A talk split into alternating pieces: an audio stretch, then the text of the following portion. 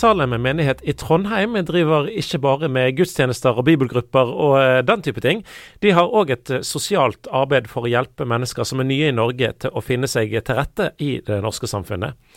Under navnet 22B så driver daglig leder Kine Ravndal og hennes fem kollegaer bl.a. språkkafé og andre tiltak som eh, faktisk har hatt godt besøk sjøl gjennom koronaperioden.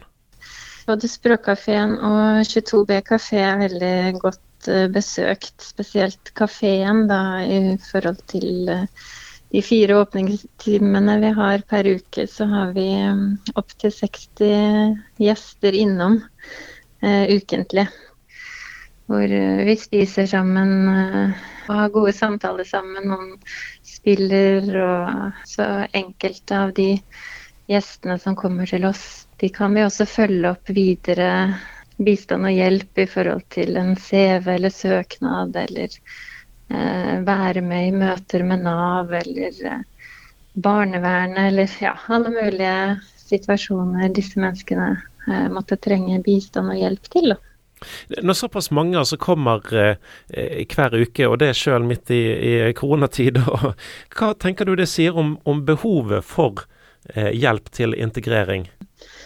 Det her med å kunne bygge relasjoner og bli sett og, og møtt, det er jo avgjørende for absolutt alle mennesker. Og, og kommer du som ny eh, innflytter til landet her, så, så, har du jo ikke nettverk, og du har ingen å møte og gå tur med, eller eh, Og der, eh, der håper vi og tror at vi gjør en forskjell. At vi skaper eh, en møteplass. Eh, hvor vi opplever at det ikke bare er mennesker med innvandrerbakgrunn, men det er også etnisk norske.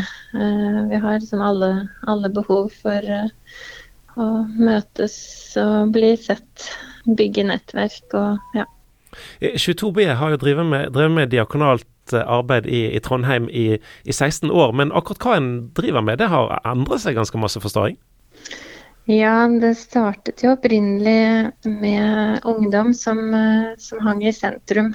Vi åpnet rett og slett en, eh, en stue midt i sentrum, hvor uh, ungdom kunne komme og være seg selv.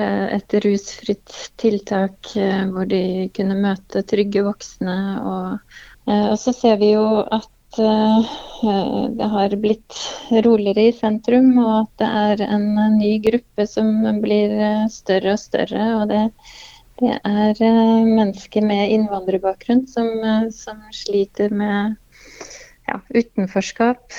De kommer ikke inn i det norske arbeidsmarkedet, kanskje bare fordi de har et annerledes navn.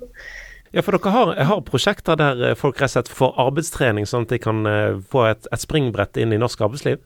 Ja, eh, i en kaffebar på Lager 11 eh, på Sluppen i Trondheim.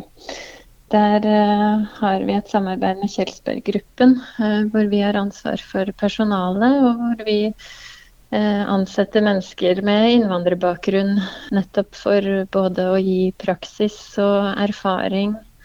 Folk skal få ja, oppleve mestring med arbeidsoppgavene, lære seg bedre norsk. Eh, og det at vi kan i etterkant gi dem en eh, attest og gå god for dem og, og sende dem videre inn i arbeidslivet, eh, er jo da målet. Som et springbrett, som de sier. Mm. Mm. Du er relativt ny som daglig leder for 22B, starta i høst. 22B er i en, i en, endringsprosess. Hva er det du drømmer om og brenner for at 22B skal få bety for folk i Trondheim framover? Oi, ja. Det er jo utrolig stort behov der ute for å åpne opp for, eh, for mennesker som står utenfor.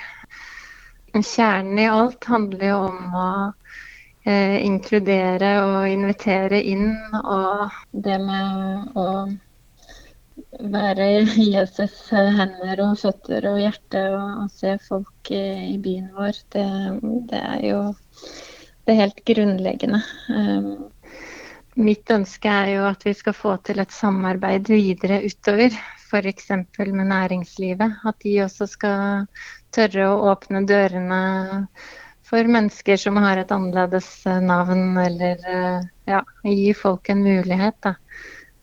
Så vi liker jo på en måte å se på oss selv som døråpnere, og vi ønsker samarbeid med, med folk og foreninger, organisasjoner og næringsliv som også ønsker å være døråpnere sammen med oss. Da.